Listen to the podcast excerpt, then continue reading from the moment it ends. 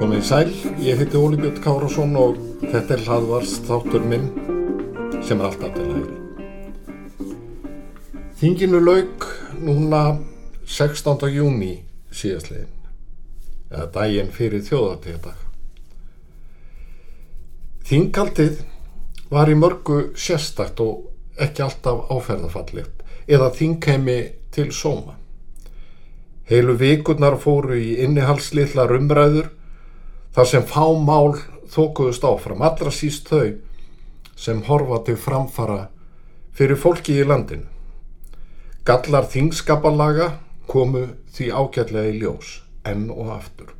Gallar sem þingmenn get ekki lengur litið hjá og komi sér undan að snýða af. Í raun getur minnuluti tekið þingið í gíslingu hindraða mál sem njóta stöðnings meiri hluta nái fram að ganga. Málþóf tryggir yfirleitt ekki pólitíska landvinninga en þó eru dæmi um að málþóf hafi skipt þjóðina miklu. Ég hef minnst áherslu haldið því fram að stjórnaranstaðan hafi sjaldan ef nokkuru sinni unnið betur fyrir sínu kaupi en í málþófi gegn æsef samningunum árið 2009. Týjir stjórnarmála, frumverf og þingsálutunar tilugur fengu afgreðslu fyrir lok þings þótt útlitið hafi ekki verið sérlega gott á tímabili. Engur þessara mála eru umdelt en flest virðast í sæmilegri sátt. Og líklega hafa þingmannamálinn sem fæst hins vegar náðu að fram að ganga verið fleiri. Framlegslega þeirra verður stundum líkjast færibandi en vel útfærðri vinnu og margt er endur nýtt ár eftir ár. Sankant tölfræði þingsins voru 94 þingfundir sem stóðu í rúma 550 klukkutíma. Meðal lengt þingfunda var því um 5 klukkustundur og 47 mínútur. Lengsti þingfundurinn stóði í 13 klukkustundir og 40 mínútur og lengsta umræðan var eins og oftast áður um fjárlög en hún stóð samtals í 35 klukkutíma og 36 mínútur. Þingfundadagarnir voru alls 80. Af 205 frumvörpum varð alls 81 að lögum. 121 var ódrætt, 2 voru köllið aftur. Af 146 þingsáleiktunatillögum voru 29 samþittar 116 tilugur voru óudrættar og tveimur var vísað til ríkistjónar. 22 skriflegar skýslur voru lagðar fram, nýju beðnir um skýslur voru settar fram, þar af 6 til ráþæra og 3 til ríkisendurskóðanda. Þrjár mullegar skýslur ráþæra voru fluttar.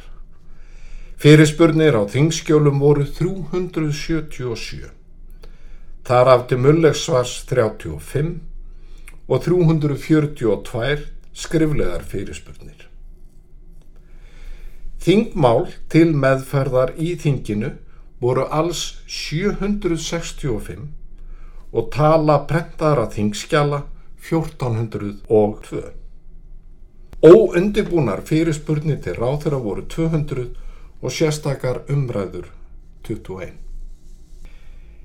En allar þessar tullugur upplýsingar segja lítið annað en að þingmenn hafa þurft á öllu sínu að halda til að fylgjast með.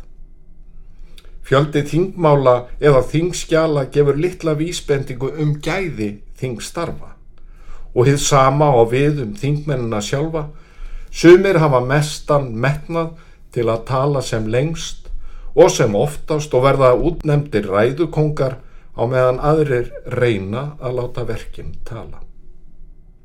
Það er ekki auðvelt að fá insinn í öll þau mál sem koma til kasta þingsins. Sumur einföld en önnur flókin. Þingmenn eiga litla möguleik á því að kynna sér öll þingmál ofan í kjölinn, hvað þá aðlast skilning á hugsanlegum áhrifum og afleiðingum væntanlegra lagasetningar.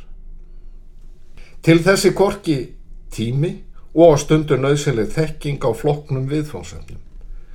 Þingmenn þurfa því að trista á samverkamenn sína, skipta liði og sérhafa sig og þeir njóta ráðgjafar sérfræðing á nefndarsviði þingsins og starfsmanna eigin þingflokka.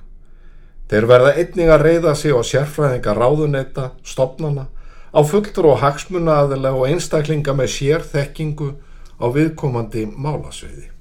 En fyrst og síðast verða þeir að trista eigin higgjuviti og byggja afstöðu sína á grunn hugssjónum og pólitísku mati á hvað er framkvæmalegt og hvað ekki, hvað er rétt að gefa eftir og hvað ekki.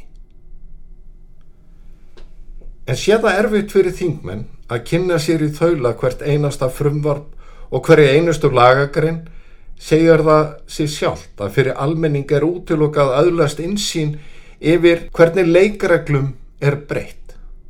Oftar en ekki fela breytingarnar, þar sé að lagabreitingarnar í sér að reglur eru hertar og þær eru gerðar floknari, útgjöld hækkuð og völd kerfi sinns með einhverjum hætti aukin með beinum eða óbeinum hætti. Frelsismálinn sitja fremur á hakanum. Mér eru alltaf fundist að aðteglisvert og rauninni áhyggjefni hver margir þingmenn hafa lítinn áhuga á eða eru hreinlega andviðir því að stíga skref í átt að auknu frelsi einstaklinga. Þess vegna daga litlu og stóru frelsismálinn upp í nefndum eða þau komast hreinlega ekki á dasgra á þingsins. Þó eru þar undantekningar nýlega þegar að bruggúsum var veitt heimil til að selja vöru sínar beint til viðskiptavina. Þannig þeir getur farið með þar heim. En í mörg ár hafa fósettar alþingis, ekki síður en óbreyttir þingmenn og ráþeirar þert á flokka, verið tíðrættum nöðsinn þess að breyta vinnubröðum. Umræðan hefur litlu skilað eins og berlega kom í ljós á liðnum vetri. Endur skoðun þingskaparlaga er því nöðsynleg en fleira þarf að koma til. Í mörg ár hef ég reglulega mynda á að alþingi verða brjótast út úr þeim vítarhing sem búin hefur verið til með mælistyku sem þingminn og fjölmiðlar nota til að meta þingstörfin. Reyknir förum við þingmenninir og ráþerarnir út í sumarið og bendum á ótrúlega fjölda frumvarp og tillagna sem samþýgt hafa verið. Magnið yfirtekur gæðin. Metnaðurinn liggur í fjölda en ekki innihaldi, skýrleika eða einfalleika. Áherslan, ekki síst stjórnarþingmanna, er að koma það sem einhver kallaði uppskjörunni í hús, óhátt því hvernig hún gagnast almenningi og fyrirtækjum í landinu. Það er nefnilega þannig að afkasta mikið þing eru yfirleitt ekki góð þing. Ég þakka þeim sem hlýtu í góða stundir.